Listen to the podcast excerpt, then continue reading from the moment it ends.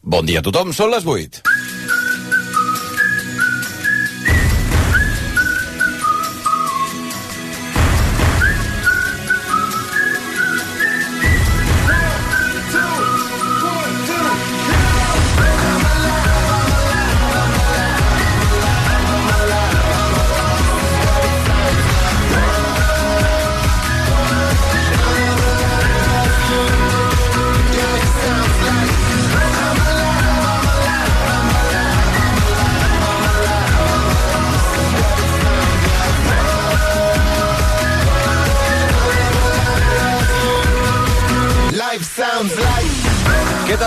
Benvinguts al Via Lliure en aquest matí de diumenge, dia 12 de març del 2023, amb un que fa una hora mal comptada que ha sortit el sol. Ho ha fet a les 7 i 4 per Cadaqués en un dia que es pondrà a l'entorn de les 7 de la tarda. Per tant, pràcticament ja ho tenim, això. Ja tenim l'equilibri d'hores de sol i de nit. Al final, eh, o l'inici del final del túnel dels primers mesos de l'any que ja estem començant a veure que, que apareix a l'horitzó. En un dia que avui la calor ja ens afluixarà una miqueta el ganyot, perquè déu nhi ahir, temperatures que van arribar als 28 graus a 11 de març, al Canà, per exemple, i amb un petit grapat d'estacions marcant rècords històrics per eh, temperatures al mes de març. Sense anar més lluny, feia 20 anys, més de 20 anys, que Barcelona no feia tanta calor en aquesta època. Avui, el que dèiem, afluixa una mica, però això no vol dir que ens relaxem pel que fa al risc d'incendis. Ahir és cert que hi havia moltes més comarques en risc alt o molt alt que no pas avui, però l'ensurt a Cubelles, al Garraf, on encara no està controlat l'incendi, ens posa peus a terra. Avui en parlarem d'aquesta qüestió, de com enfoquem els pròxims mesos amb aquesta tempesta perfecta que significa la sequera eh, molt severa que patim, la falta de pluges a l'horitzó, les pujades de temperatures a destemps com la d'aquest cap de setmana i els episodis de vent com ahir. Com serà aquesta campanya d'incendis, doncs? En parlarem aquest matí amb el cos d'agents rurals. En un dia que ens hem de tornar a esgarrifar per un nou cas de violència sexual a una jove a Barcelona, en aquest cas, va passar la nit de divendres a dissabte al poble espanyol quan una noia de 19 anys va ser víctima d'una agressió que alguns mitjans avui expliquen i qualifiquen de molt violenta prop d'una discoteca. De fet, segons les informacions, els primers a atendre l'haurien estat els vigilants del local i la víctima de la violència del fet no va poder declarar formalment perquè la haver se la van haver d'endur a un hospital. No va poder declarar formalment sobre aquella agressió. Això en la setmana que vam saber el cas insuportable de violació grupal a una nena d'11 anys a Badalona, sumat al cas que sabíem ahir del Cuber d'un eh, cineasta de 23 anys que havia posat una nena de 14, un altre de Vilanova, de 21, que n'havia abusat d'una criatura de 13, en la setmana del 8 de març, en la setmana de l'aprovació de la reforma de la llei del només sí és sí, és insuportable. Senzillament, insuportable.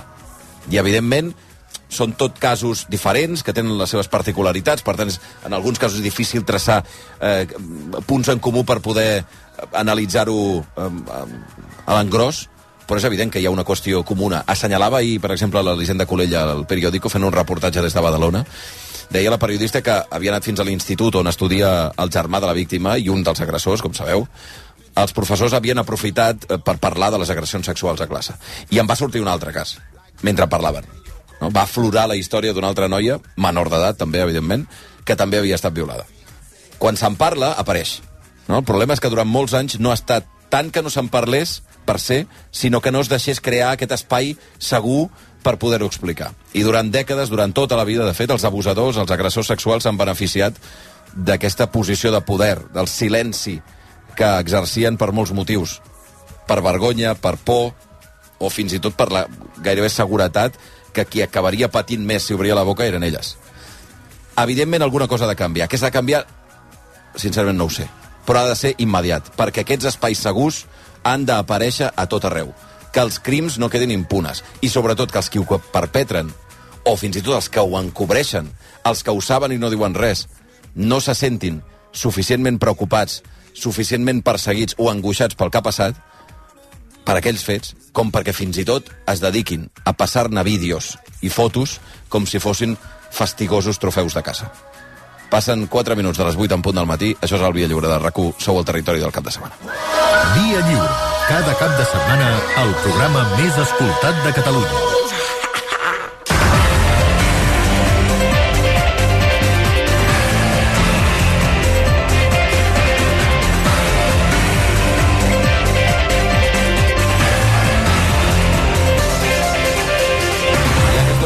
Del matí. La Clara Molins és a la sala de màquines dels serveis informatius. De què hem d'estar pendents avui, Clara? Doncs estem pendents de la Junta Directiva del Real Madrid, que aquest migdia ha de decidir quines accions legals empren contra el Barça pel cas Negreira de presumpta corrupció a canvi de favors arbitrals. La majoria de mitjans ja donen per fet que s'hi personarà quan s'admeti a tràmit la denúncia que va presentar divendres la Fiscalia. L'alcaldable d'Esquerra Republicana a Barcelona, Ernest Maragall, ha presentat una denúncia a títol personal pel cas dels cartells que ridiculitzaven l'Alzheimer del seu germà, l'expresident Pasqual Maragall. Segons us avança RACU a aquesta hora, aquesta denúncia, que ja ha estat presentada, aporta testimonis que van veure de lluny com algunes persones penjaven els cartells en una de les seus del partit. També estem pendents de l'incendi a Cubelles, al Garraf. Ahir al vespre els bombers van estabilitzar el foc que ha cremat 3 hectàrees, ha obligat a desallotjar una vintena de veïns i a confinar-ne d'altres. Mentrestant, el risc d'incendi cau a Catalunya passa de 21 comarques en alerta d'ahir a només dues avui al Baix Camp i al Baix Ebre. I els Mossos investiguen un cas brutal d'agressió sexual a una jove de 19 anys la matinada de dissabte al poble espanyol a Barcelona. Un vigilant va alertar del cas va traslladar la noia a l'hospital. Les patronals de l'oci nocturn, FECASARM i Spain Nightlife, hi han anunciat que es personaran com a acusació popular quan el cas arribi a judici. I la pel·lícula Tota la vegada, tot arreu és la gran favorita dels Oscars que s'entreguen aquesta matinada. La cinta dels Daniels és la que més nominacions ha rebut 11 i la seva principal competidora és Almas en pena de Inisherin. A partir de la una de la matinada podeu seguir tots els detalls de la gala a rac Esports, el Barça recupera Lewandowski i Gavi pel partit d'aquesta nit a Sant Mamés contra l'Atlètic de Bilbao, on hi buscarà un triomf que mantingui, que el mantingui a 9 punts de marge sobre el Real Madrid abans del clàssic de diumenge vinent al Camp Nou. Els blancs no van fallar i van guanyar l'Espanyol 3 a 1 i són provisionalment a 6 punts del liderat dels Blaugrana. I pel que fa al temps, avui la temperatura ja no s'enfilarà tant com ahir, però l'ambient continuarà càlid per l'època, amb moltes màximes entre els 20 i els 25 graus. Dominarà el sol i el vent continuarà bufant amb ganes a Ponent i a les comarques de Tarragona, tot i que afluixarà amb el pas de les hores. Ara són les 8 i 7 minuts. I el que us dèiem, 48 hores després de la denúncia de la Fiscalia, avui el Real Madrid podria acusar també el Barça pel cas Negreira.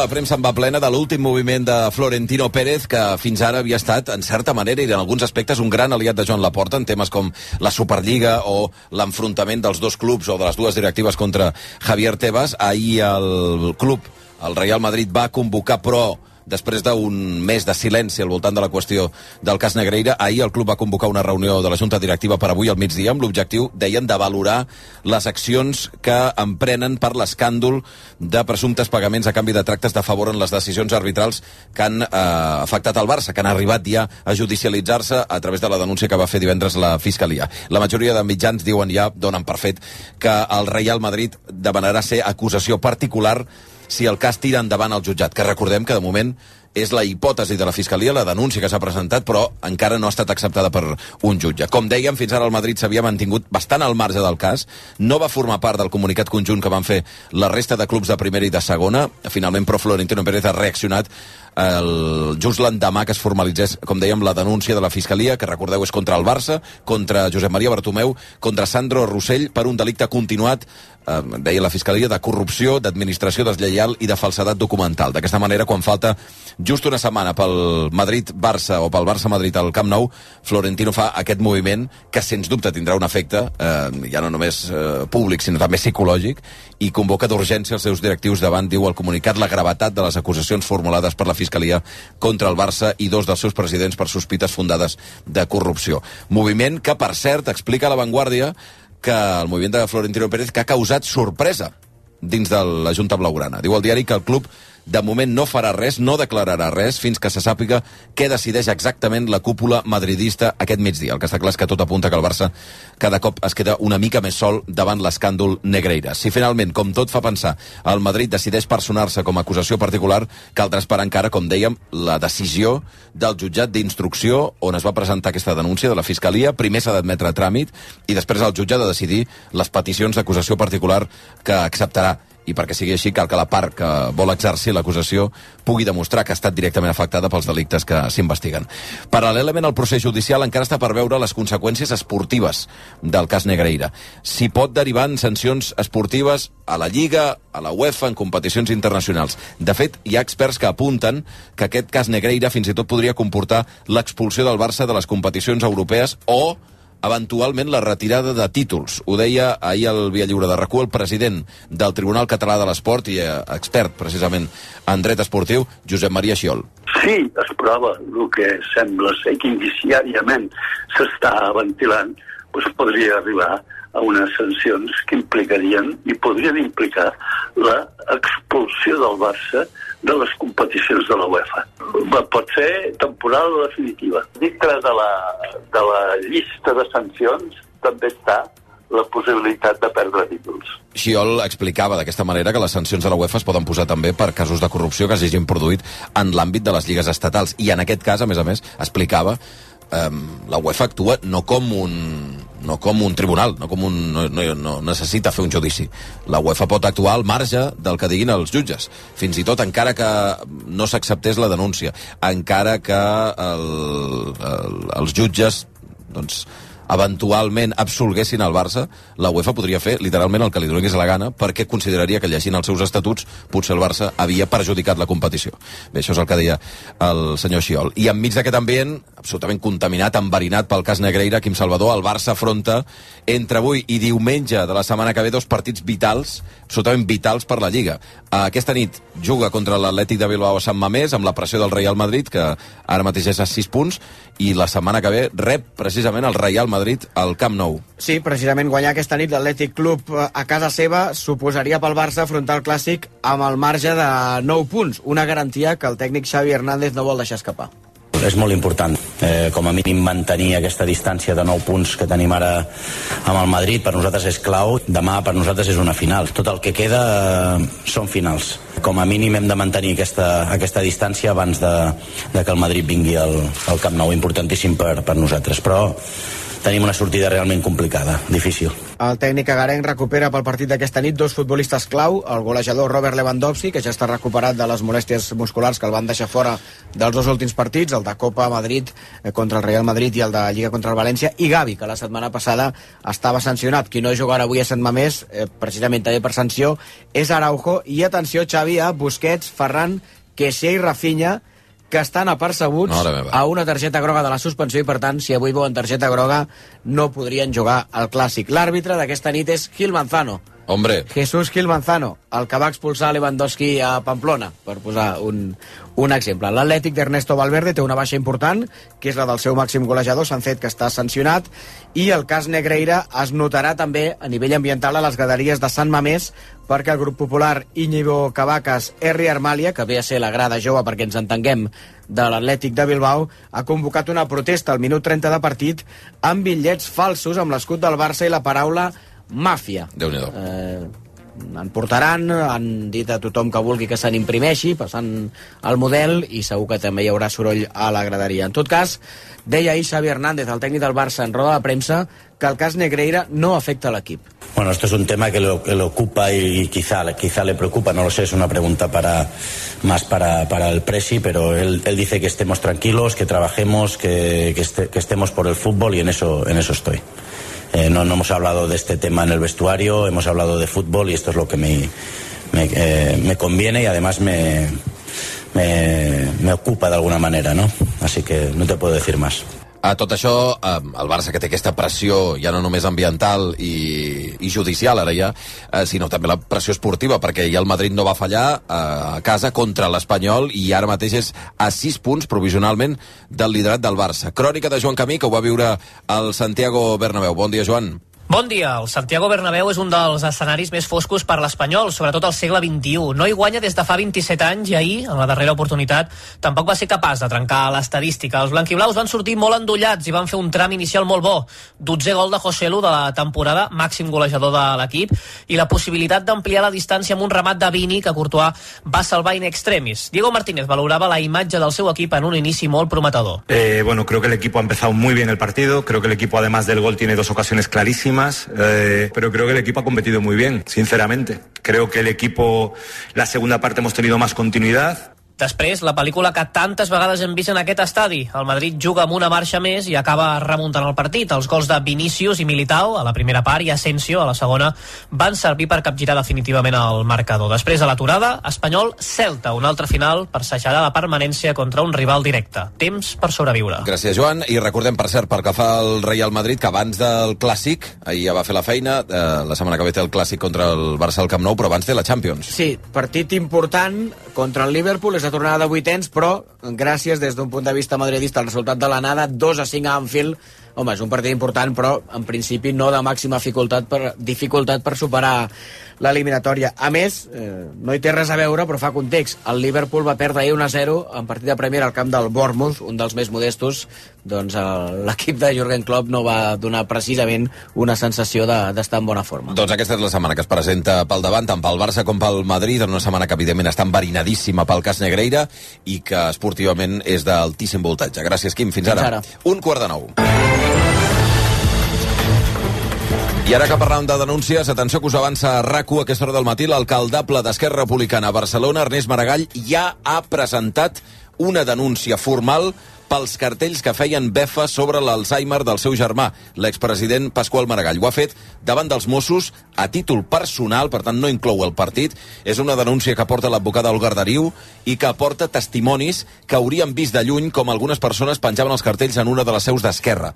L'escrit especifica que alguns d'aquests testimonis van renyar els vàndals. Es tracta d'una denúncia, com dèiem, a títol personal, no hi entra Esquerra Republicana. De moment encara no se sap si les càmeres de la seu del partit i dels comerços propers permeten o no identificar qui va penjar els cartells. Fons d'Esquerra diuen que tant els Mossos com la Guàrdia Urbana estan revisant el material. Precisament ahir Ernest Maragall va fer la seva primera aparició en un acte de partit després de l'escàndol. Si s'atreveixen a fer política utilitzant els arguments i les imatges que han utilitzat, es denigren ells mateixos, tractant de denigrar el país.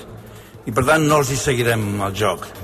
Això ens fa més forts. Això em fa a mi més fort. Això a les portes d'unes eleccions, les municipals, que evidentment a Barcelona seran molt intenses, i ahir teníem un argument més. El PP no descarta pactar amb Xavier Trias o amb Jaume Collboni per l'Ajuntament. L'alcaldable popular, Daniel Cirera, els ha estès la mà en una entrevista a l'agència EFE. Me preocupa que no haya un cambio real de políticas en la ciudad de Barcelona. Si ellos quieren hablar con el Partido Popular Yo no me voy a, a cerrar a hablar con ninguna fuerza política de estas dos, pero lógicamente también le digo que si, si ellos van a seguir con sus políticas, yo no voy a poder apoyarles. Canvis que puntualitza, com per exemple, un trenc... podrien ser un trencament radical amb Bada Colau. Cirera, per exemple, retreu a Xavier Trias que estigui disposat a mantenir part de les licitacions que ha fet l'alcaldessa. Ara passen dos minuts d'un quart de nou.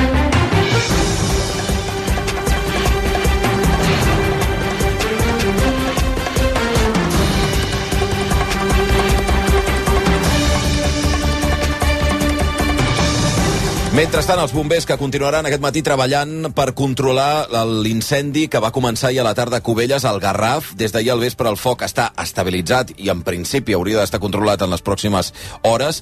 Les flames han cremat de moment 3 hectàrees de vegetació i es van, i van arrencar en un edifici abandonat a la zona del Corral d'Ancona, tocada a la C32, cosa que va propagar-se, precisament perquè hi era un dia ventós, eh, i encara bufava ahir a la tarda i es va, eh, va afectar precisament l'ampliació d'aquest incendi. Les autoritats van desallotjar una vintena de veïns de cinc cases diferents, les que eren més a prop de les flames, i també va confinar d'altres persones que viuen a tocar d'aquesta àrea afectada. Avui el risc d'incendi, però, hem de dir que va a la baixa. Les altes temperatures, el vent i la humitat van fer que hi hagués fins a 21 comarques en alerta alta o molt alta d'incendi. Ara són només dues, Baix Camp i Baix Ebre, les comarques que es mantenen en el nivell 2 del Pla Alfa. Martí Oliveres, bon dia. Bon dia. Avui potser no ha de fer tanta calor, però les xifres d'ahir, déu nhi eh? Sí, sí, ahir va ser el dia més càlid en un mes de març. A Barcelona, atenció, des del 2001 com a mínim, amb temperatures que van arribar a la capital catalana entre els 26 i 27 graus de màxima. Això, perquè ens en fem una idea, és una temperatura habitual del mes de maig, del 15, 20, 25 de maig, no passa tot just encetat el mes de març. Temperatures molt altes a la resta de la costa. De fet, quatre estacions del Servei Meteorològic de la Costa van batre el seu rècord de calor en un mes de març. Són estacions en funcionament des del 1990, o sigui, temperatures disparades que tocaven sostre al vols del migdia, primeres hores de la tarda, en el cas del Canà, una màxima de 28,4 graus. No és um, una xifra insòlita mm, que s'arribi puntualment a aquests 28-29, però sí que és excepcional. És molt poc habitual que s'arribi a aquestes xifres. Avui aquesta calor ja afluixa clarament a la costa, baixarem de 4 a 8 graus respecte a ahir, o sigui que ja un ambient molt més normal, però l'interior i al Pirineu encara temperatures clarament per sobre. No es normalitzaran fins dimarts dimecres quan creuarà un front i també deixarà alguns ruixats i aquest vent també pendents encara que pot bufar amb gana sobretot al sud del país i al nord del Cap de Creus. Ara t'ho acabo de preguntar això perquè precisament el, vi, el vent va ser ahir una de les qüestions clau. El risc d'incendi es va accentuar no només per la calor, també per la sequera i també per aquest fort vent que va, va bufar arreu del, del país. De fet, els bombers ahir van atendre més de 150 avisos per retirar arbres trencats, mobiliari urbà de la via pública o cobertes d'edificis que es van malmetre. A més, el 112 va rebre gairebé mig miler de trucades per petites incidències, la majoria al barcelonès, que com dim moltes vegades, en determinades comarques com el Tarragonès o el nord de l'Empordà estan més, més avasats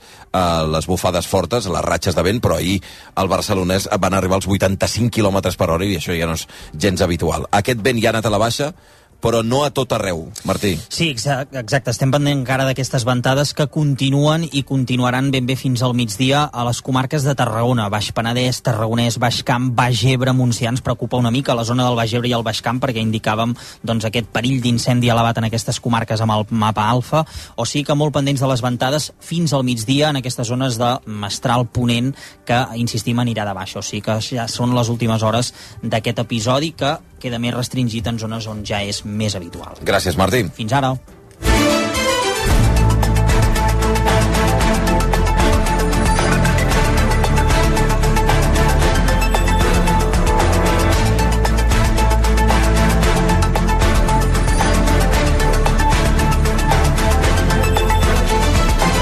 Tot això, aquest risc d'incendi, mentre continua la rave eh, que es va detectar ahir a Muntanyola, a Osona. Estem parlant, no se sap la xifra exacta, però entre 150 i 200 persones que es concentren des de la nit de divendres a la zona del Pla del Vilar. Segons han explicat els organitzadors a la ASN, l'Agència Catalana de Notícies, tenen la intenció de marxar aquest vespre. Els Mossos estan fent controls per evitar que no hi entri ningú més i han optat per no desallotjar la zona com ja van fer amb les dues últimes festes que, il·legals que vam explicar, la de Turà a la Sagarra i la de Serral a la Conca de Barberà. Sigui com sigui, la festa preocupa, com dèiem, per aquest context de l'elevat risc d'incendi. L'alcalde del poble, Carles Morera, explicava ahir a RAC1 que la zona on estan fent la festa hi ha al voltant de 50 vehicles aparcats i és un lloc boscós amb camps que ara mateix estan molt secs, Aurora Rodríguez. Sí, a més, el vent que hi bufava la zona, segons l'alcalde, podria provocar incidents en un cap de setmana especialment preocupant pels bombers ens preocupa, i això ho he pogut traslladar-ho amb l'Helena Roca, els serveis territorials d'interior, que el que ens preocuparia més és que justament on s'ha celebrat aquesta rei és un punt doncs, relativament el, el més sec que tenim al municipi i que realment un incendi eh, en, aquella, en aquella situació i amb la casuística del vent que està fent avui, doncs eh, podríem tenir un problema, un problema greu. Morera també va explicar que era la, és la primera vegada que es troben amb una festa il·legal al poble. Els controls dels Mossos, que van començar a primera hora del dia d'ahir, es fan tant a l'entrada com a la sortida sortida perquè els que surten no suposin un perill per a la resta de conductors. Els agents, de moment, no han fet cap detenció.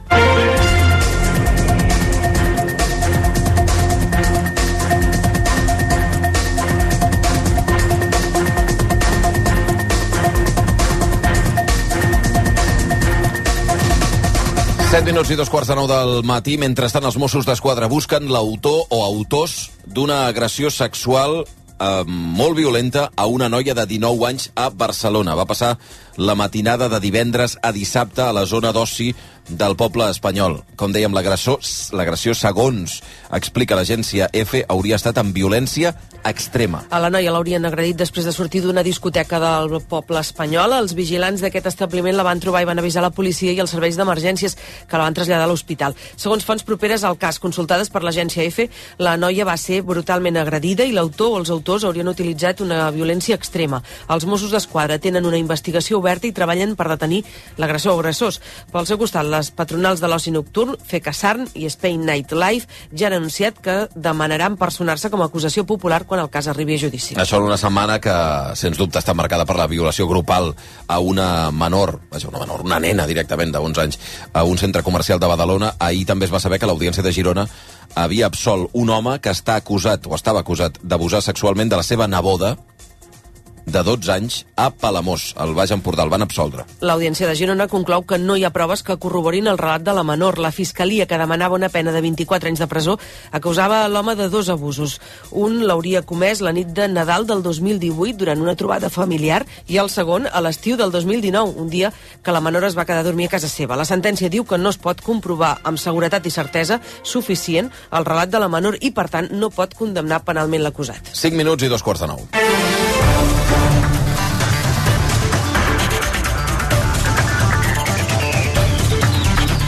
I atenció al que us avança rac a aquesta hora, aquest programa, el Via Lliure, s'ha duplicat el nombre d'agressions a professionals sanitaris a Catalunya des que va començar la pandèmia. Si l'any 2020 l'Institut Català de la Salut en va registrar unes 950, quan estem parlant d'agressions és sobretot verbals, però al voltant d'un 10% també físiques, eh, van ser unes 950 l'any 2020, segons ha pogut saber rac se'n van notificar l'any passat més de 2.000. De menys de 1.000 a 2.000. Gran part d'aquestes agressions, de fet el 78%, van passar als centres d'atenció primària, als CAPs. Més enllà del col·lectiu de metges i infermers, que dijous publicat les seves xifres, l'estudi de l'ICS inclou, i aquests segurament serien els més afectats de tots, més que metges i infermers, infermeres, els zeladors i el personal administratiu. Això són dos dels sectors més perjudicats per aquest tipus de violència, Sagiró. Coincidint amb el Dia Europeu contra les agressions als professionals sanitaris, el Departament de Salut assenyala que l'any passat es van produir a Catalunya gairebé sis agressions diàries, quatre només a l'atenció primària. Una violència majoritàriament verbal dirigida sovint al primer contacte amb el pacient, el personal zelador i administratiu. Tot i això, en un de cada deu casos, sobretot als hospitals, s'acaba arribant a les mans. El motiu de la disputa acostuma a ser la informació rebuda per part del professional, tot i que en la majoria de casos la situació s'acaba resolent pel seu propi pes, en un 6% ha d'intervenir el personal de seguretat i en un 11,5% la policia. L'agressor, sovint el mateix pacient, és un home en el 62% dels casos.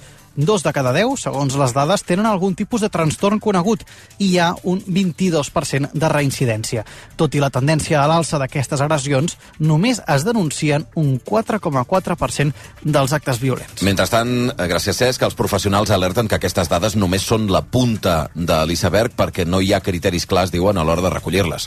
Tot i que el Departament de Salut ha impulsat protocols en els últims anys i un observatori per identificar els casos, asseguren que encara no s'ha posat en marxa un registre uniforme a tot el sistema sanitari. En parla a RAC1 el doctor Josep Arimany, director del Servei de Responsabilitat Professional del Col·legi de Metges de Barcelona. És un tema que s'ha d'abordar d'una forma àmplia, amb tots els professionals, i és molt important que hi hagi un registre a nivell nacional a Catalunya, però de tots els professionals de salut, perquè al fi i al cap el metge treballa amb una infermera, treballa amb un auxiliar d'infermeria, treballa amb un administratiu, i són tot l'equip que a vegades són víctimes d'aquesta situació de violència al lloc de treball. Assegura que també és molt important especificar bé els tipus d'agressió i els canals per comunicar-ho per evitar que quedin sense registrar. 8 i 27 minuts, i mentrestant, ara que parlàvem del món sanitari, l'Hospital Clínic, demà és dia ja laborable, treballa contra rellotge per recuperar per fi la normalitat entre demà i dimarts, després de l'atac informàtic d'ara fa una setmana i que va fer col·lapsar tots els uh, sistemes. Atac que va encendre de mala manera el conseller de Salut, Manel Balcells, que ho qualificava ahir de terrorisme. Això és ciberterrorisme. És a dir, el que s'ha produït al clínic és terrorisme del segle XXI. Fer un atac informàtic que eh, obligui a aturar l'activitat d'un hospital de la complexitat i amb el, amb el nivell de pacients que hi ha en el clínic no es pot qualificar d'altra manera que de terrorisme. Balcells també ho diu això mateix avui a la, a la Vanguardia, diu que és terrorisme i referma que els pirates informàtics no veuran ni un cèntim dels 4 milions i mig d'euros que demanen per les dades robades a l'Hospital Clínic. Mentrestant, en aquesta entrevista a la Vanguardia, el conseller diu que d'aquí a mitjan eh, cap pacient haurà d'esperar més de 5 dies perquè l'atenguin en un CAP. Diu que s'estan replantejant, entre altres coses, les consultes en línia, l'accés telefònic perquè ningú quedi com ara, i així ho diu literalment, tirat. Un minut i dos quarts de nou. En plana de successos, un traficant de droga ha entrat a presó per assassinar la seva parella a Sabadell l'agost del 2021. Els Mossos d'Esquadra el van detenir dimecres perquè el buscaven arran de dues temptatives d'homicidi la nit de Cap d'Any, en aquest cas a l'Hospitalet de Llobregat. Un cop arrestat, l'home es va identificar amb una fotocòpia del passaport i la policia va trobar documentació d'altres persones. Això va fer encendre les alarmes i van acabar identificant-lo amb les empremtes dactilars. Quan van saber qui era, es van adonar que es tractava de la mateixa persona que havia intentat cometre dos homicidis durant el cap d'any i que va matar la seva parella el 2021. I mentrestant, els Mossos d'Esquadra han detingut a Alemanya un home de 29 anys que havia fugit de Lledoners, de la presó, l'any 2021. El pres va aprofitar una visita a l'Hospital de Manresa per escapar-se. Els investigadors van saber que l'home havia marxat a Bèlgica i després a Alemanya, on hi té familiars. A Catalunya, l'home de 29 anys ha de ser jutjat per cinc robatoris amb violència i intimidació que va cometre en establiments de perfumeria i neteja del Bages. La detenció l'han fet els Mossos conjuntament amb la policia alemanya. I els bombers han rescatat tres excursionistes, una d'elles amb hipotèrmia greu, al Parc Nacional d'Aigüestortes. Les tres excursionistes van passar la nit de divendres a dissabte al ras, a més de 2.500 metres d'altitud, després de no poder arribar al refugi de mitges. Els bombers van rebre l'avís ahir a les 11 del matí i es van desplaçar fins a la zona, al municipi d'Espot, al Pallars Sobirà. Els GRAI van evacuar la zona amb hipo, eh, la dona amb hipotèrmia greu en un helicòpter fins a la base de Tírbia. Després el SEM les va traslladar fins a l'Hospital Arnau de Vilanova de Lleida.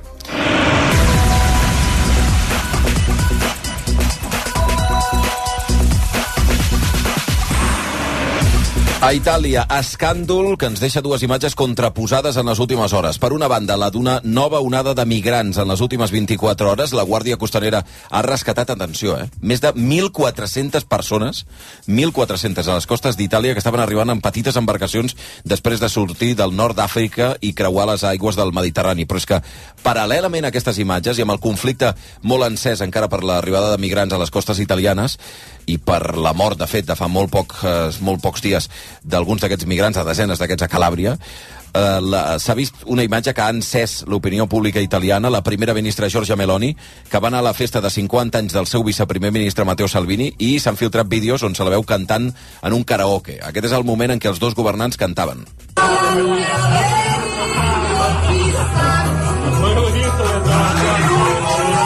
La festa no va agradar gens a l'oposició i més tenint en compte que encara es continuen trobant morts al naufragi de Calàbria de fa dues setmanes. Ahir se'n van trobar dos més, eh, l'incident ja deixa 75 víctimes. Corresponsal a Roma de RAC1, Anna Buch, bon dia. Bon dia, Meloni ha estat molt criticada per participar a la festa de Salvini, tot i que encara s'estan trobant morts del naufragi de Calàbria, on van perdre la vida 30 menors. La primera ministra italiana no va anar a la localitat de Cutro, al lloc de la tragèdia, fins a 11 dies després, tal com havien fet altres autoritats del país abans. Allà va anar-hi per aprovar un nou paquet de mesures contra la immigració irregular que inclou penes de fins a 30 anys de presó pels traficants, una imatge que contrasta amb la festa del seu viceprimer ministre, a la que sí va acudir i que també va comptar amb la presència del seu soci Silvio Berlusconi. Tot i el naufragi, les sortides no es frenen i durant la nit de dissabte van rescatar un vaixell que portava quasi 500 migrants davant la costa de Calàbria, amb el que ja són quasi 4.000 les persones arribades a les costes italianes en els últims quatre dies. Preocupa especialment la situació a Lampedusa, on hi ha més de 2.700 migrants en un petit centre d'acollida que només té capacitat per uns 300. Gràcies, Anna, des d'Itàlia, des de Roma, aquest escàndol eh, produït, entre altres coses, per la superposició d'aquestes dues imatges, la dels morts que estan arribant a les costes eh, d'Itàlia i la festa de Salvini amb karaoke inclòs de la primera ministra Giorgia Meloni. Tres minuts per damunt de dos quarts de nou del matí i per escàndol i considerable, i que està anant a més en les últimes hores, el rebombori eh, que ha aixecat dins la BBC i dins de l'opinió pública britànica la suspensió de l'exfutbolista del Barça, Gary Lineker, un dels eh, presentadors i dels col·laboradors estrella de la televisió del programa Match of the Day. Decisió que s'ha girat en contra de la cadena britànica amb una llau de crítiques i amb el boicot de figures de l'esport als seus programes. Recordeu que això va passar eh, precisament per un comentari que havia fet a través de Twitter eh, Gary Lineker fa, fa molt poques hores, vaja, fa un, parell de dies, eh, comparant la política precisament migratòria del govern britànic amb la de l'Alemanya nazi. En solidaritat amb l'exfutbolista del Barça, els clubs de futbol ahir, sense anar més lluny, eh, fixeu-vos, es van negar a fer declaracions a la BBC i la majoria de col·laboradors de la cadena, com els jugadors eh, Genevieve Defoe o Ian Wright, es van declarar en vaga la cadena, de fet, Adrià Garcia es va veure obligada a canviar la programació, va retallar Match of the Day, va demanar perdó i va emetre els gols de la jornada en cru, és a dir, sense comentaris. Sí, sí, fa uns dies Lineker, com deies, va fer un tuit criticant la política migratòria del govern de Rishi Sunak i va apuntar que fa servir una retòrica comparable a la de l'Alemanya nazi dels anys 30. La BBC va apartar Lineker momentàniament de la presentació del programa en nom de la imparcialitat deient perquè no volien que el periodista parlés de política. Ahir es va emetre el Match of the Day sense analistes ni narradors que expliquessin els resums perquè tots van rebutjar participar-hi en solidaritat amb Lineker i cada cop també són més les veus que demanen la dimissió del president de la BBC, Richard Sharp. L'últim a fer-ho ha estat el líder de l'oposició i del Partit Liberal Demòcrata, Ed Davey, que acusa la televisió de perdre la seva independència. Passen ara 5 minuts a dos quarts de nou.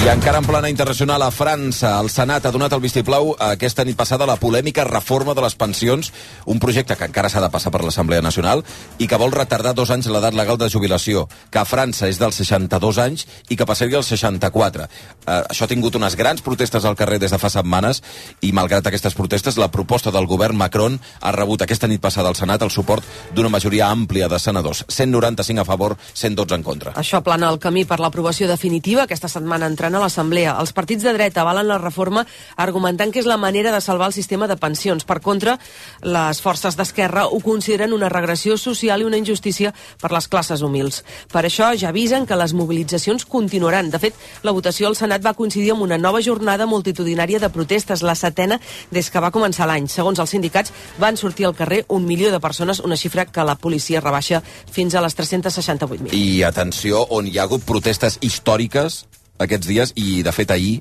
és a Israel. Aquesta nit ha viscut una onada de protestes a tot el país que, segons la premsa internacional, és una de les més massives de la història. Déu nhi la revolta popular que hi ha ara mateix a Israel, amb centenars de milers de persones sortint al carrer per manifestar-se contra què? Doncs contra els plans del govern de Netanyahu de reformar el sistema judicial israelià perquè consideren pot suposar una amenaça per la democràcia.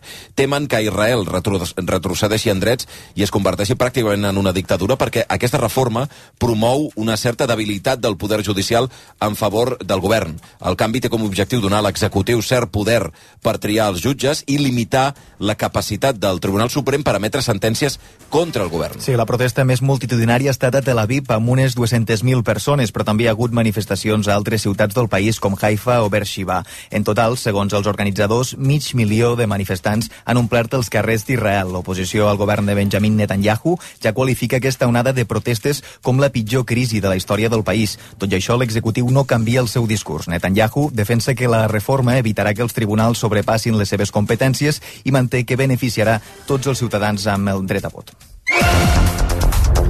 Ara passen 7 minuts de dos quarts de nou del matí, mentrestant en plana política. Pere Aragonès ja és a l'Amèrica del Sud. Avui comença la seva ronda de reunions amb diverses personalitats polítiques de països, a l'Uruguai, a Xile, a l'Argentina, a Colòmbia.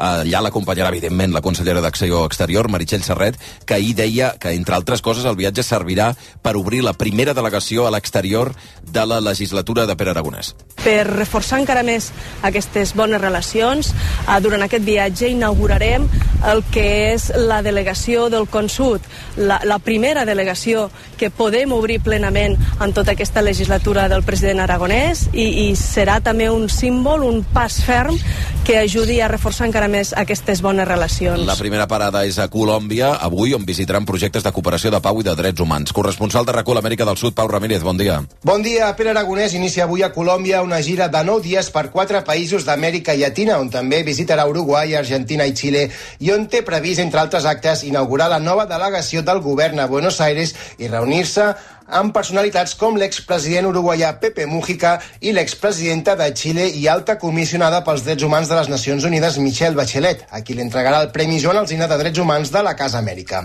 Aragonès, que viatja acompanyat de la consellera d'Acció Exterior, Meritxell Serret, també visitarà empreses catalanes, projectes de cooperació amb fons catalans i farà diversos recorreguts relacionats amb la memòria històrica, participant en actes en record de Víctor Jara, Roser Bru, Salvador Allende i Jorge Luis Borges. Gràcies Gràcies, Pau. I mentrestant, eh, precisament amb la plana política, Salvador Illa carrega precisament contra Esquerra i diu que el govern ara mateix és incapaç de fixar un rumb clar per Catalunya. De fet, el secretari general dels socialistes ven el seu partit com el gran salvador dels comptes. En una entrevista que podem llegir avui a La Vanguardia, diu que n'ha facilitat l'aprovació per evitar que la feblesa del govern en minoria arribi fins als catalans. A més, amb els comptes aprovats, Illa fa èmfasi especial en la sequera. Diu que és el gran problema que haurem d'afrontar d'ara en endavant. Assegura que Aragonès va tard a l'hora de convocar una cimera amb tots els partits i diu que s'hauria d'haver fet abans de signar el decret de la sequera. Illa lamenta que durant el 2022 només s'hagi executat un 20% del pressupost de l'Agència Catalana de l'Aigua. Per això assegura que Esquerra està instal·lada en la inacció davant el problema des de fa 20 mesos. Això no depèn de tenir més o menys diputats, això depèn de posar en marxa l'administració.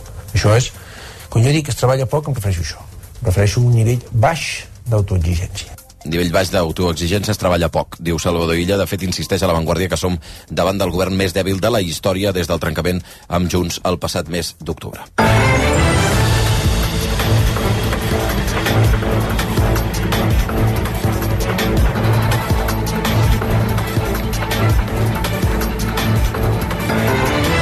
I encara parlem de política. A nivell espanyol, el, el govern de Pedro Sánchez tanca la setmana segurament més dura de la seva legislatura pel que fa a la relació amb els seus socis. Dies en què la pressió per la reforma de la llei del només sí sí ha posat la coalició al límit. El pacte del PSOE i de Podem, segons llegim avui a la premsa, de fet, va estar penjant d'un fil aquesta setmana. Diu l'Enric Julián a La Vanguardia que, si tu textualment, si la vicepresidenta segona, Yolanda Díaz, s'hagués afegit a la manera explícita de les dures crítiques de la diputada de Podem, Lucía Muñoz, contra els socialistes, el manòmetre, el manòmetre de la pressió política hauria arribat al màxim. Va dir Juliana que si Yolanda Díaz s'hagués afegit precisament aquestes crítiques que feia Podem, la coalició saltava pels aires. I el país, Carlos Cué, diu que fins i tot alguns diputats del PSOE estan demanant que eh, Sánchez cessi Irene Montero, la ministra d'Igualtat. Però fons del govern espanyol de fet, el periodista cita un ministre, repliquen que un trencament ara representaria entregar la victòria a la dreta. Tot això amb Pedro Sánchez, que té damunt de la taula una crisi de govern que s'havia de produir aquest cap de setmana o a tot estirar a principi de setmana que ve, perquè ha de reemplaçar com a mínim dues ministres que són candidates a les municipals, Carolina Dàries, eh, ministra de Sanitat, i la ministra d'Indústria, Reyes Maroto, Sánchez, que ara està ficant la banya en la reforma de les pensions. Ara ja amb el consentiment de Podem, pressiona la patronal perquè doni llum verda. Anem cap a Madrid. Roger Perciba, bon dia. Bon dia. I a més d'exigir negociar, també va demanar als empresaris que comparteixin els beneficis amb els treballadors, perquè no passi, com diu Sánchez, que sempre se'ls queden els de dalt. La reforma de les pensions que proposa el govern espanyol va dir és la manera de contrarrestar les retallades que va imposar el PP durant els anys que va governar. Nos dijeron que no íbamos a ser capaces de reformar las pensiones. Y quien lo decía eran aquellos que cuando gobernaron devaluaron las pensiones y congelaron también las mismas. Cuando es justo lo contrario. Lo que tenemos que ser conscientes es que nuestro sistema público de pensiones se garantiza con unos sueldos dignos. Porque los sueldos dignos hoy son las pensiones dignas del mañana. Això va dir Sánchez en un acte en el qual, per cert, el PSOE va presentar el lema de precampanya per les eleccions del 28 de maig i que diu «Defensa el que penses». 3 minuts i 3 quarts de 9 del matí. Per cert, encara apuntant a política espanyola, precisament al voltant de les pensions, atenció a un, a un gir curiós del Partit Popular en les últimes hores, en el discurs, perquè ahir va sortir el vicesecretari d'Economia del PP, Juan Bravo, i va dir que són partidaris d'incentivar la immigració com una de les solucions per finançar les pensions. Ho deia a l'agència Servimedia i es preguntava si té sentit que Espanya vagi posant impediments a l'arribada de migrants. Això el PP, eh? Impediments a l'arribada d'immigrants si de debò vol créixer i ser competitiva. Hay que asumir reformas. Uno, natalidad. España es uno de los países con la natalidad más baja. Hay que facilitar que la gente quiera tener niños. En segundo lugar, dice, oiga, del ámbito de la inmigración calculamos que van a llegar extranjeros a trabajar a España 330.000. Hay que intentar incentivarlo. Dos minuts i tres quarts de nou. Encara un darrer apunt en plana política. La Pobla de Segur, el Pallars Jussà, avui decideix en una consulta popular si canvia el nom d'un passeig, el passeig Josep Borrell, per, perquè a partir de les 9 del matí els votants poden escollir si el mantenen, el nom de Josep Borrell, o si el repeteixen com a passeig 1 d'octubre. L'Ajuntament va impulsar la iniciativa la legislatura passada, després que qui va ser ministre, actual cap de la diplomàcia europea, afirmés que s'havia de desinfectar Catalunya. L'actual alcalde Marc Baró assegura a RAC1 que la decisió definitiva no la podia prendre l'Ajuntament sol i que calia posar-ho en mans dels veïns. Tot i això, creu que hi ha motius de sobres per fer el canvi que van més enllà de les seves declaracions, com el desarrelament amb el poble. Final aquest senyor al seu moment devia ser molt ben anat aquí, però jo al final jo tinc 45 anys i jo pràcticament no tinc quasi ni recorde del vist del, del municipi. No? Al final és un senyor que per aquesta boca treu moltes coses amb, amb molta mala hòstia, per dir d'alguna manera, no? I, i al final contra els catalans contínuament. Baró, a més, afegeix que és un problema incloure al nomenclàtor municipal noms de persones vives, perquè el seu llegat encara no està del tot definit. Tres quarts de nou del matí, pràcticament falten 40 segons. Abans us parlàvem de la preocupació pels efectes d'aquesta calor inusual, com ara l'elevat risc d'incendis, però, evidentment, el bon temps té una cara positiva. En aquest cas, per exemple, per determinats eh, sectors de l'economia, com la restauració. L'ambient totalment primaveral ha disparat aquest cap de setmana les reserves als restaurants de la Costa Daurada. A menys d'un mes de Setmana Santa hi ha hagut bons nivells també d'ocupació als hotels a prop de la platja que han decidit avançar aquesta temporada. I el d'avui també serà un gran diumenge de calçotades. Tarragona Tarragona. Esteve Giral, bon dia. Bon dia. Sí, gran cap de setmana per la restauració, amb restaurants i terrasses plenes, sobretot per al mar. Francesc Pintado és el president de la Federació d'Empresaris d'Hostaleria de la província de Tarragona, ho explica rac El clima ens fa sortir de casa. Aquest és la, el comportament que tenim. Hi ha alegria, hi ha comentaris de que tenim caps de setmana com si fos agost. S'està treballant molt bé a tot arreu, hi ha molt bones previsions. L'efecte de la calor es nota també en l'activitat dels hotels oberts en aquesta època de l'any, encara però una minoria a la Costa Daurada, tot i que PortAventura ha avançat temporada en guany. Xavier Guardià, portaveu de la Federació Empresarial d'Hostaleria i Turisme de la província de Tarragona, també en declaracions a rac Hi ha hagut algú altre que ha obert provocat perquè tenia algun grup i també confiant una mica amb el rebot d'aquesta apertura inicial de PortAventura, però jo diria que encara està molt en proves tot. Les calçotades, els trossos i també els restaurants, sobretot a la comarca de l'Alcamp, però en molts altres punts, estan trencant també registres aquest cap de setmana de sol i calor. Gràcies, Esteve. I més enllà del clàssic turisme prop de la platja, des de fa un temps, en aquesta època de l'any, també hi ha agafat força l'anomenat fruiturisme, les rutes pels camps de matllers, de presseguers, de cirerers florits, que s'han convertit en un filó per moltíssimes poblacions, en aquest cas de comarques de Lleida, per exemple. Ara ben guany, alguns ajuntaments han hagut d'ajornar aquestes activitats activitats perquè els canvis de temperatures han retardat la floració. Ho explicava Recul, responsable de fruita seca de l'Associació de Joves Agricultors i Ramaders, Xavier Cullerés. I semblava que s'avançava, però llavors a partir del gener començat a tindre temperatures baixes i com a conseqüència doncs, l'any passat el dia 22 de, de febrer vam començar a tindre les primeres flors i enguany ara hi ha les primeres flors, però, però són pràcticament una o dues flors com a molt, 1.500 o 2.000 flors que pot tindre un arbre eh, precisament el lloc per excel·lència per gaudir d'un paisatge natural tenyit de roses és Aitona, al Segrià. Aquesta setmana han donat el tret de sortida les rutes pels camps de perseguers, eh, una, que són unes dues setmanes més tard del que és habitual. La Diputació espera que en les pròximes tres setmanes hi passin més de 20.000 persones. Bona part dels visitants provenen de la resta de l'Estat. Ara bé, cada cop hi ha més turistes de països asiàtics, com el Japó, Filipines o fins i tot el Vietnam. En parla recul l'alcaldessa d'Aitona, Rosa Pujol. Que Aitona és un Buhanami català i, i a ells els agrada moltíssim veure aquesta flor concretament aquesta flor color rosa, fes fotografies i suposo que això és el que ha donat aquesta empenta no? d'aquest turista asiàtic que tenim, bé, un grup hasta de vietnamites. Són visites a peu, viatges en globus o rutes en bicicleta que es fan cada cap de setmana fins a final de mes. I malgrat aquest cap de setmana sembli una mena de primavera anticipada i amb això de les flors que estem dient, eh, recordeu que la setmana que ve sí que farem la festa de les flors, com és habitual al Via Lliure quan s'acosta la primavera. Eh, les al·lèrgies eh, típiques d'aquesta estació de l'any no han aparegut abans, eh, malgrat el canvi de temperatures, sinó al revés. Les persones al·lèrgiques a substàncies com el polen patiran les conseqüències de l'al·lèrgia més tard que de costum, diuen els experts, aproximadament d'aquí un mes.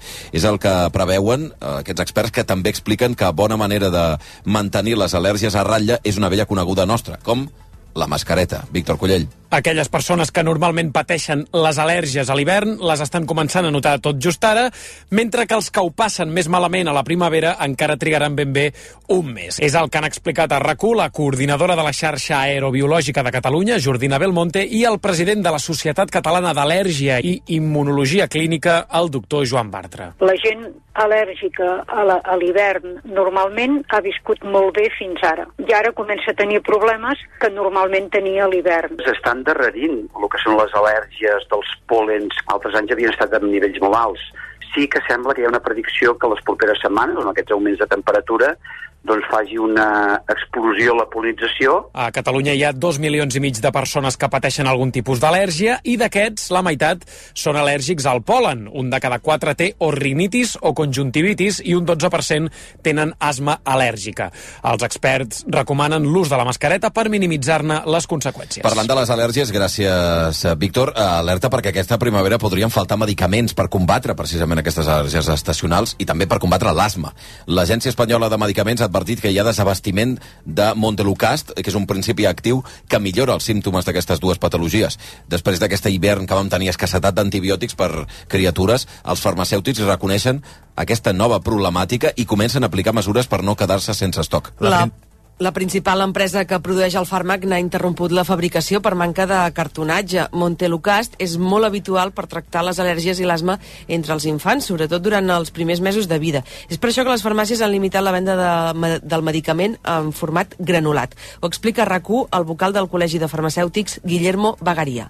Les presentacions en comprimits doncs, tenen eh, laboratoris de genèrics que donen més amplitud amb la possibilitat de substitució, no així les presentacions amb sobres. Si una persona té problemes per empassar i ens ve amb una demanda de sobres per nens, direm, escolta, aquesta presentació està reservada per nens en les circumstàncies que tenim, tot i això, el metge de la Societat Catalana de Pediatria, Pepe Serrano, assegura a rac que és un fàrmac que cada cop es fa servir menys i que hi ha alternatives fins i tot pels nadons. Sí que té unes indicacions molt concretes, sí que el que l'està prenent podria ser que el trobés a faltar, però uh, hi ha altres medicaments que compensen la seva, la seva absència Segons les últimes dades de l'Agència Espanyola de Medicaments, hi ha falta de proveïment de més de 700 medicaments. I un últim apunt en plana internacional i de seguida anirem amb, amb la cultura i específicament amb els Òscar, que són aquesta pròxima matinada. Però abans, la Xina ja té nou primer ministre, és Li Qiang, el número 2 del Partit Comunista, home de confiança del president xinès Xi Jinping. Amb aquest nomenament, el líder eh, busca instal·lar un grup de persones que li siguin lleials en la remodelació més gran del govern en una dècada. Qiang, que té 63 anys, ha rebut el suport de l'Assemblea Popular Xinesa a Pequín. Precisament un dels temes que té al damunt de la taula eh, la l'assemblea, eh, en aquest cas del Partit Comunista, és el denominat repte demogràfic. Els experts diuen que aquest any, no se sap ben bé si ara, d'aquí un mes, d'aquí dos mesos, eh, abans d'ahir o a finals d'any, la Xina deixarà de ser, després de dècades, el país eh, més poblat del món i ho passarà a ser la Índia. I això es deu a una caiguda de la natalitat a la Xina, un, una baixada de la demografia. I els experts creuen que la baixa natalitat xinesa serà un problema important pel país. En parlava ahir al Via Lliure una persona que en sap moltíssim d'això a nivell internacional, com és la investigadora catalana, professora d'Economia i Demografia a Princeton, Alicia Atzarà.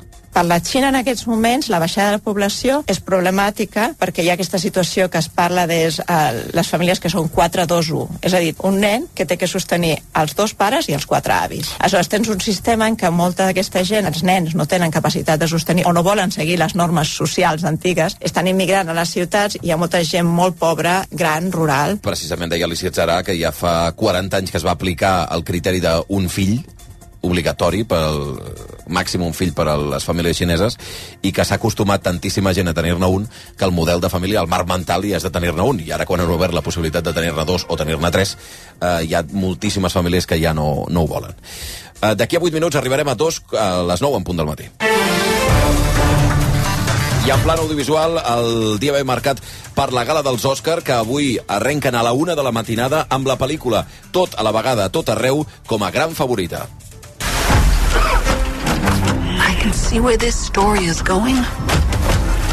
Pel·lícula que té eh, 11 nominacions en una gala que, com sempre, eh, podeu seguir a rac a partir de la una. Aquesta, aquesta gala comença una hora abans del que és habitual perquè als Estats Units ha, hi ha canvi, s'ha produït el canvi d'hora en una nit que tot apunta que aquesta pel·lícula, protagonitzada per Michelle Yeoh, podria sortir com a guanyadora. Dèiem que té 11 opcions de premis. Les cases d'apostes és la clara favorita amb diferència, amb una principal competidora, una opció diametralment oposada com Almas en pena de Inisherin.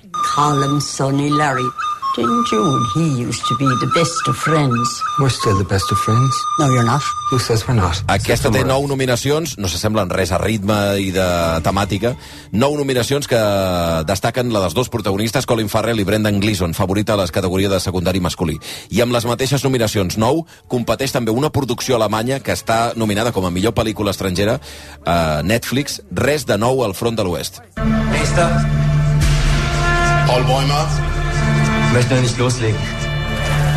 Doncs aquestes són algunes de les favorites en aquesta edició dels Oscar, però n'hi ha moltíssimes i de molt, un mostrari molt important. En millor pel·lícula hi ha tant aquestes produccions d'autor com Tar, El Triángulo de la Tristeza, o megaproduccions, Avatar, Top Gun, o fins i tot eh, un director tan consagrat com Steven Spielberg amb una pel·lícula autobiogràfica com és Los Fabelman.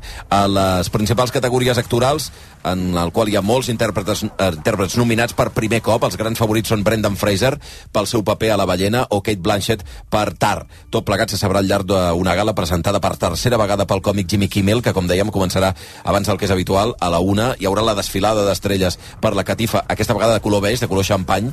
Eh, bueno, Hollywood diuen que és color xampany, aquí sospitem que és beix. I per primera vegada, per tant, des de fa més de 60 anys, la catifa no serà vermella. Gala que no tindrà premis en diferit, com l'any passat, i que mirarà d'esquivar sorpreses desagradables.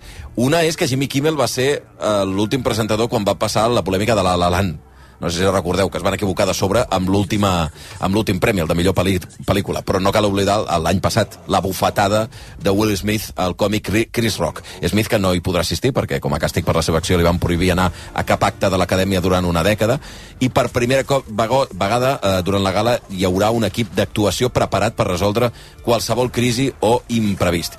I dels Oscars, als anti-Oscars, ahir es van entregar els Razzis, la guanyadora o perdedora, segons es miri, pitjor pel·lícula va ser el bio, biopic de Marilyn Monroe, Blonde.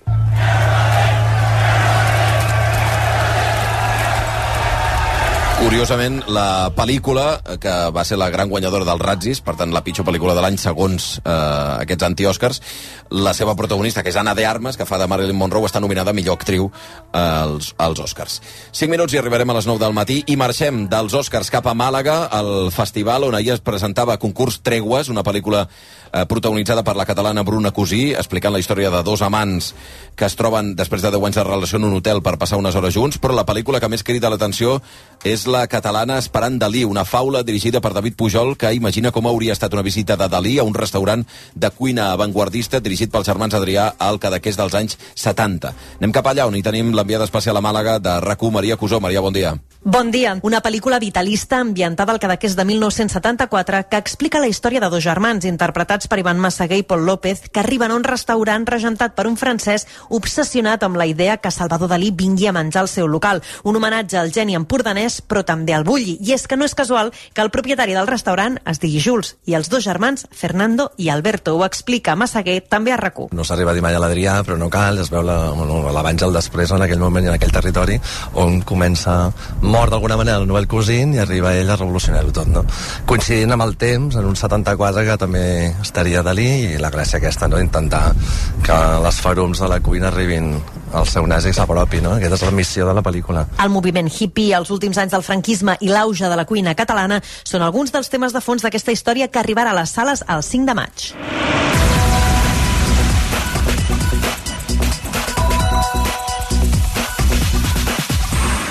D'aquí a només 3 minuts arribarem a les 9 en punt del matí i atenció perquè un grup de persones encaputxades, ho hem sabut fa una estona, ha pallissat l'exministre eh, de Finances grec Yanis Varoufakis, 61 anys. Els fets han passat a Atenes mentre sopaven un restaurant amb companys del moviment demòcrata europeu. Un grup d'individus van assaltar-hi al lloc, van començar a increpar el polític acusant-lo d'haver-se doblegat als desitjos de la Troika.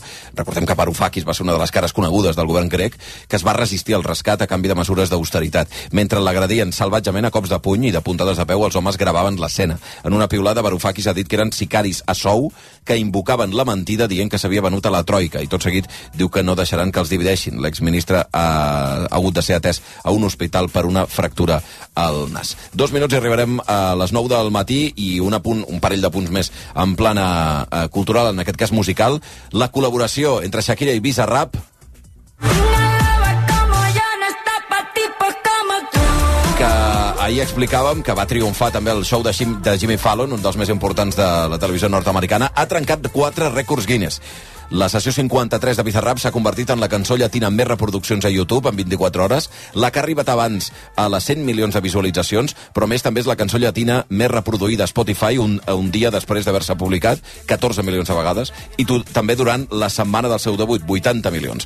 Tant el productor com la cantant colombiana van rebre els certificats oficials precisament al show de Jimmy Fallon, que es va emetre divendres a la nit. Eh, hem de dir que Shakira té en total 14 certificacions de rècord Guinness, entre ells tenir 100 milions de fans a Facebook o 3 milions i mig de likes en una única foto d'Instagram.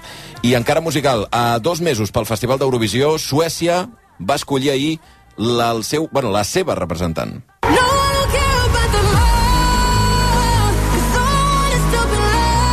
Lorin, que tornarà al festival després d'haver-hi competit i guanyat amb aquell mític Eufòria de fa 11 anys. Aquesta és la cançó nova, Tatu, que està feta, composta pels mateixos autors que aquella Eufòria. Ha fet bons els pronòstics, s'ha imposat els altres temes. Serà, per tant, Lorin qui intentarà aconseguir la setena victòria de Suècia al festival, i ho feia amb aquest precedent, amb aquest currículum d'haver guanyat. A hores d'ara les apostes la situen com a vencedora absoluta, seguida d'Ucraïna i Finlàndia. Espanya en Blanca Paloma la trobaríem unes quantes posicions més avalls a la setena posició. Recordem que el Festival d'Eurovisió és el dia 11 de maig a Liverpool. I avui, abans d'obrir l'agenda de concerts, una estrena perquè el Via Lliure us avança en exclusiva un petit tast del nou disc d'Anna Roig. Música,